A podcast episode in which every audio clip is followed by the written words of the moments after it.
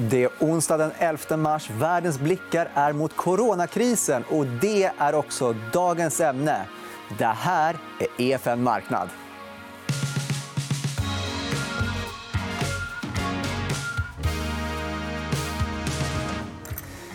Ja, varmt välkommen, Kristina Nyman. Ja, tack så mycket. Eh, det är alldeles nyligen fick vi en eh, nyhet från Italien som stimulerar sin ekonomi på grund av coronakrisen. Har du någon snabb kommentar? Ja, nej, men alltså, det kommer stimulanser på löpande band nu. och Det är bara att vänta att det här fortsätter. Eh, för det här, eh, idag ska vi prata om effekterna på ekonomin. framför allt. Yeah. generellt sett, hur, hur stort är det här egentligen? Nej, men det, det gick ju från att vara någonting som ganska begränsat till att vara någonting som är som en snöboll som man inte riktigt vet eh, vart det tar vägen. Så att jag skulle säga att nu är det, nu är det riktigt stort. Och om man jämför med andra stora händelser som finanskrisen eh, Ja, IT-bubblan. Hur... Det, det jämförs ju... IT-bubblan var betydligt mer eh, egentligen börsorienterad. Inte så mycket. Det var ingen global kris. på det viset. Eh, finanskrisen var en jättestor finanskris och skuldkris. Eh, såna karaktäriseras av att det också blir problem i banksystem och tog väldigt lång tid att återhämta sig för du har stora skulder. Det här är en helt annan sort. Eh, som vi vet. Nu stänger man ner produktion runt om i hela världen. Det påverkar människors beteende och resande. Eh, men det kan få, vi har inte det här bankproblemen i botten eller de underliggande ekonomiska problemen. Men det är väldigt svårt att veta vad det här skapar för nya problem i längden om det pågår länge. Ja, för det här är ju som sagt en smittospridning. och Det är tre faktorer som eh, ni har lyft fram som mm. är eh, avgörande. Och vi kan kika på dem. Precis. Och, eh, nej, men jag tänker, viktigt att ha, ha med sig här, och framförallt kanske när man började analysera det här också, men, men även nu tid. Hur länge pågår det? Om man tänker att vi har haft tidigare sjukdomsutbrott, såna här globala saker, då har det fågelinfluensan till exempel. Det har varit ganska begränsad tid.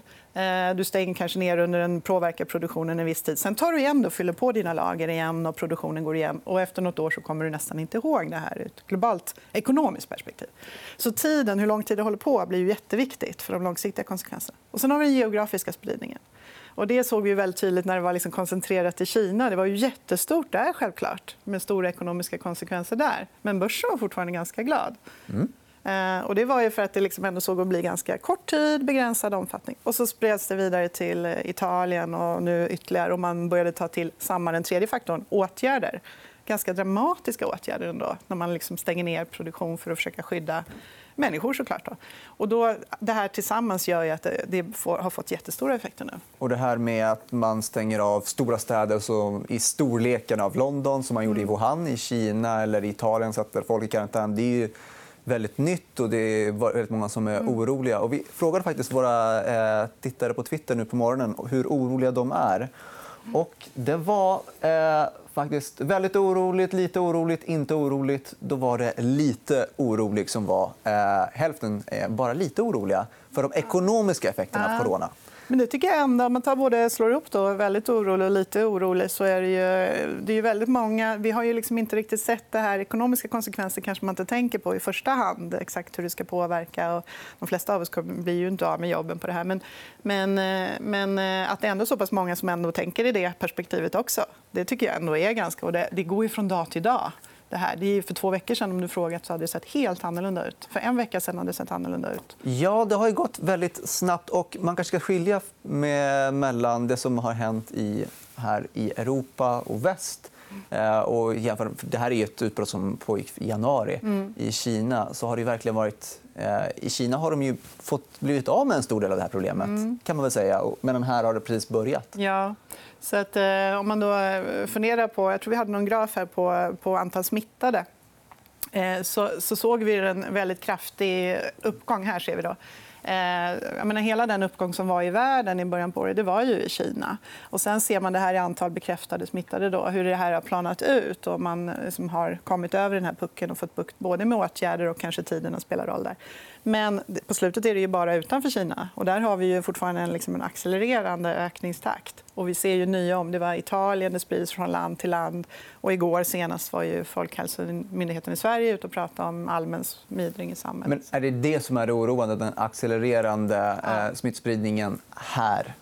I eh, övriga världen, exklusive Kina? Ja, jag menar, det var ju betryggande att det lugnade ner sig i Kina. och Det är ju, det är ju jättebra att man ändå kan se att det gör det. Men, men nu ser vi att det fortsätter på andra håll. Så det betyder att det här är inte över. Men I Kina tog de ju tag i det här på ett väldigt hårt sätt när de mm. väl eh, började. De byggde sjukhus på 9-10 dagar mm. och de stängde in en stad i motsvarigheten till Londons storlek.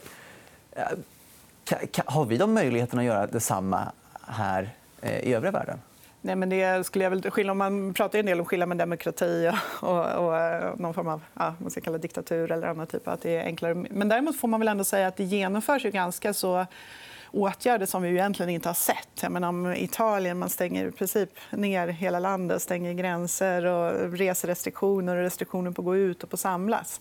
Så att man tar ju till, kanske inte motsvarande då Kina, men man tar ju till ganska, ganska åtgärder som vi inte har sett. Men, jag, men tänk USA, det kommer att vara till mycket, mycket svårare att begränsa, begränsa smittan om det tar fart där. Så att, nej, jag tror inte vi har riktigt samma möjligheter. Nej, och vi har även sett om man jämför liksom dag för dag procentuell förändring i smittade så har ju det helt nästan dött ut i Kina medan mm. det här i, i övriga världen så tar det Precis. Att om man, om man, I början där kan man borsta lite. Men om vi tittar på slutet på den här grafen då, så ser vi ju precis att det ökar fortfarande. Och det är den här accelererande takten då på smittade då i resten av världen. Det fortfarande ökar där med 20% per dag. Och det är det här man vill börja se. För att det ska bli lite lugnare så måste man börja se att det här går ner. Men i och med att det kommer nya områden och regioner så det kan ju gå ner på ett ställe men då kommer det ju som det ser ut just nu så på nästa ställe. Och det är det här att man gör såna åtgärder som man även har gjort då i Italien. Det är just de här storleken på åtgärder eller typen av åtgärder som ju också ger väldigt stora ekonomiska konsekvenser. Eh, och självklart gör man ju det för att skydda att det inte ska bli en spridning. Men det blir, också, det blir ju stopp. Det blir, ju, det blir ju jättehöga ekonomiska kostnader på vägen. Ja, och det kanske intressanta för oss här i Sverige är hur bra rustade är vi i Sverige för att ta eventuellt ekonomiska konsekvenser på grund av en eh, coronaspridning, en pandemi eller liknande? Nej, men om man då tänker utifrån ett ekonomiskt perspektiv då, så, så är det ju regeringen såklart. Eh, vi har eh, för, för att finanspolitiska stimulanser av olika slag. Och där kan man tänka sig man är ute nu varje dag och förbereder en extra ändringsbudget nu här, trots att det bara är en månad kvar till den ordinarie budgeten. Eh, så att det handlar ju dels om att göra riktade åtgärder, att ge de myndigheter som behöver pengar, och kommuner och vård och så där, att de ska få pengar. Det handlar också om det man pratar om nu, att ge eh, anslag till myndigheter som till exempel Almi som kan ge krediter till små och medelstora företag eller Svensk Exportkredit. Så att, helt enkelt, det man är orolig för här är ju nu att det här är de här direkta effekterna vi pratar om. att om företag får det kan vara leveransproblem eller att man sätts i karantän på olika sätt eller mm, den typen av, att man minskar sin produktion. Att man helt enkelt får svårt att härda ut så att säga, och att man börjar varsla folk. och Börjar säga upp människor då är det ju risk att det får långsiktiga konsekvenser. För Det är inte säkert att du kan återanställa dem där efter en månad. Utan då, då kan det här börja bli... Själv... Är det den verkliga risken? Ja, för ekonomin tycker jag det. Och Det är där tiden kommer in. Så är det en kort period då kan de flesta företag eh, liksom överleva det här. Så att säga. Man har ändå lite kasser och man kan klara av det här. Eh, blir det en lång period då, då kan du börja få problem så att ja, men bra, livskraftiga företag också slås ut. Eh, och då, börjar, då blir folk arbetslösa och då tar det mycket längre tid att komma tillbaka igen. Men låt oss kika då, då har vi fått en mer vanlig lågkonjunktur. Kanske. Eller... Ja, men, eh, du pratar ju mycket om finansieringssituationen. Mm. Du hade ju med en graf där du mm. visar kreditspreadarna för eh Ja, men eh, precis. Och det här är med god kreditvärdighet också. Det här är företag investment grade med, med god kreditvärdighet. Och här ser vi för USA och euroområdet. Men det är en liknande bild om man skulle titta på något sånt här i Sverige. Det sker ju väldigt lite liksom, affär, alltså, emissioner här. Så det, är ganska, det sker inte speciellt mycket handel. Men det man ser med de här kreditspreadarna de går ju upp i kristider. Och vad betyder det? Det betyder att eh, när man ska låna ut till dig så ser jag dig som mer riskfylld nu att låna ut. Jag är lite mer orolig som, som eh, långivare här att få tillbaka mina pengar. Jag vill ha mer betalt. Det blir dyrare eh, för dig att, att låna som företagare.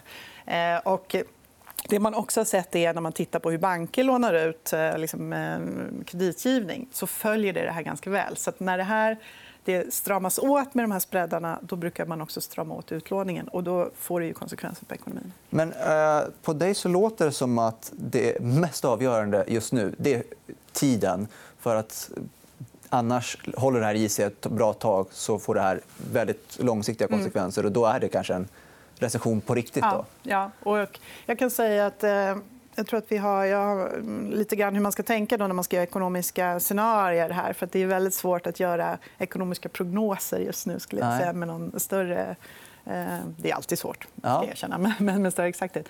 Men om vi tänker att vi gjorde vår senaste prognos i, eh, i januari. Ja, du har ju med den också när Ja. ni tog fram den. Precis. Eh, vi få med den där. Så det här är våra BNP-prognoser från slutet på januari. Och när man normalt ni ser eh, global BNP runt 3% Det är den lägsta tillväxten sen finanskrisen då, som vi såg framför oss. USA lägre, euroområdet, ni ser Kina där i Sverige. Eh, när, man, när man eh, normalt reviderar prognoser så kan det handla om någon tiondel hit eller dit. Du skulle knappt se det på den här grafen. Nu när vi tittar på olika scenarier så kan jag säga att för tre veckor sedan då hade det varit någon tiondel eller två på det där. Eh, och jag tror vi har någon bild på de här scenarierna också. ja, nästa. Precis. Nu rullar vi på här. Eh, Men när vi, då, när vi då har gjort såna här ekonomiska scenarier och den här bilden då ska man titta på hur mycket vi ska ändra de där prognoserna. Då. Så om vi hade för världen en prognos på 3 eh, BNP-tillväxt Mhm. och så säger vi här att skulle vi få en ganska kortvarig... Alltså där vi var för en och en halv vecka sen. Någonting sånt. Kina, Italien, viss oro, börs ner kanske 10% vissa liksom åtgärder, men ändå ganska koncentrerat till Kina. Då kanske vi skulle ha tagit ner den där tillväxten med en 3, 4, 5 tiondelar. Och det var det som OECD kom ut med och gjorde. Och det förutsatte att det skulle vara en snabb förbättring. Det här Ja. kortvarig. Det är nåt kvartal eller två. och Sen så börjar vi öka på våra lager. Alla människor finns kvar och börjar producera. Och så där. Eh, Men det som, var i den an... det som vi också gjorde då var ett mer allvarligt scenario som eh, innebär att det här blir mer spritt till hela, hela världen i olika utsträckning. Börsen är 25% Det håller i sig längre. Det skapar en allmän oro. Du och jag låter bli att konsumera det här lite mer varaktiga. Bilar, eh, telefoner, mobil, sådär. Vi håller oss till livsmedel. Eh, Och det här får ju, och en stor finansiell oro. Och det här tillsammans kan få då väldigt stora effekter. Och då, handlar vi, då pratar vi recession och det är det som vi snabbt går mot nu. Men ska vi ta och kika på eh, grafen igen? För du hade också på eh, pandeminivå, om det verkligen fortsätter. Eh, Så Precis. Har vi dels världen, men också Sverige ska man nog kika på. För Det är en ganska stor nedrevidering ifall det här inte tar slut snart. Ja, och då kan man se att, säg att förra veckan kom Finansdepartementet ut och pratade om en nedrevidering med tre tiondelar. Och det är den där svarta, snabba förbättringen. Eller mörka där. Eh, det vi tecknar på här är den ljusblåa linjen. Då har vi en nedrevidering på över 1% av BNP i år. Då ska vi tänka på att vi har en prognos på 0,7 Så det här är alltså redan en, det är en recession på helåret. Och det gäller även för USA och euroområdet. Så om inte det här förbättras så tror ni att vi kommer att gå in i en recession? Ja, det går, lutar ju ganska fort åt det hållet nu. Vi är någonstans mitt emellan de där två, men riktningen går mot den där sämre. Jag ska inte liksom säga att vi är inte där. Företag har fortfarande inte den typen av problem. Men för vecka för vecka så, så går det Eftersom vi inte är där, har vi möjlighet att stoppa detta rent ekonomiskt nu? Eller vad kan vi göra? Nej, jag tror att, eller utifrån ett ekonomiskt perspektiv kan man ju göra sånt här då, som eh, var inne på. Regeringen då försöker på olika sätt understödja så att det inte blir långsiktiga konsekvenser på arbetsmarknaden att företagen slår ut. Det är nog det som är viktigt. Och sätta till... Jag jag, de här, vad man ska göra utifrån smittskyddssynpunkt och så där, det, det är ju helt avgörande såklart att man lyckas begränsa smittring. Eh, men det kan nog påverka ändå. Från Riksbankens sida, de var ju, Stefan Ingves och Anna Breman var i finansutskottet igår. Eh, Och från Riksbankens sida så visste inte liksom det avgörande en räntesänkning. Eller så där, men om man, och där var de ju ganska tveksamma till det får man väl säga och pratade mer om kanske att låna ut till, bank, till företag via banker. Att man erbjuder ganska förmånliga lån till bankerna givet att de lånar ut till företag. Men hur effektivt kommer det vara? Räcker det? Nej, jag tror att du, precis som under finanskrisen så tänker jag så här att du, det är lika bra att vara proaktiv nu och, ladda på flera fronter. Göra vad man kan eh, för att se till att minska de negativa konsekvenserna. Har du riktig tur då någonstans så att det här liksom också blir kortvarigt ja, men då kanske du kan minska risken att det blir det där eh, långvariga, att du får långsiktiga konsekvenser. Skulle du göra för mycket så är det nog inte hela världen. Då används inte allt det här och du kan dra dig ur. Så att, så att jag, ser ju liksom, jag tycker kanske att det är lite passivt just nu. faktiskt, att man får ännu mer. Eh, Bank of England idag var ju ett lysande exempel. De gick ut med besked. De gör, jobbar på alla fronter nu. De sänker räntan, de ändrar eh, liksom reservkrav till bankerna. Eh, de erbjuder såna här lån som ska gå till företag. Och de de liksom tog alltihop i ett paket för säkerhets skull. Men om vi avrundar då med en tittarfråga eh, som eh, letar efter lite blankningsobjekt. Finns det några sektorer specifikt som kan vara mer drabbade än andra här i Sverige? Men det är ju helt klart, det gäller hela världen. Alltså, det är ju eh, turism, rese, resor, turism, den typen och där kanske tiden är ännu mer ja, avgörande. Där är vi ju redan. Det, ja. det är ju redan event, hela den, hela den delen av, av marknaden är ju under stark press. Även fotbollsevenemang, vilket är Exakt. trist för oss som gillar fotboll. Men det var faktiskt allt vi hade eh, om eh, coronaspridning och effekterna på ekonomin. Eh, det var allt från oss idag. Imorgon är vi såklart tillbaka och då kommer Ulf Hedlund. Missa inte oss då, 11.45. På återseende.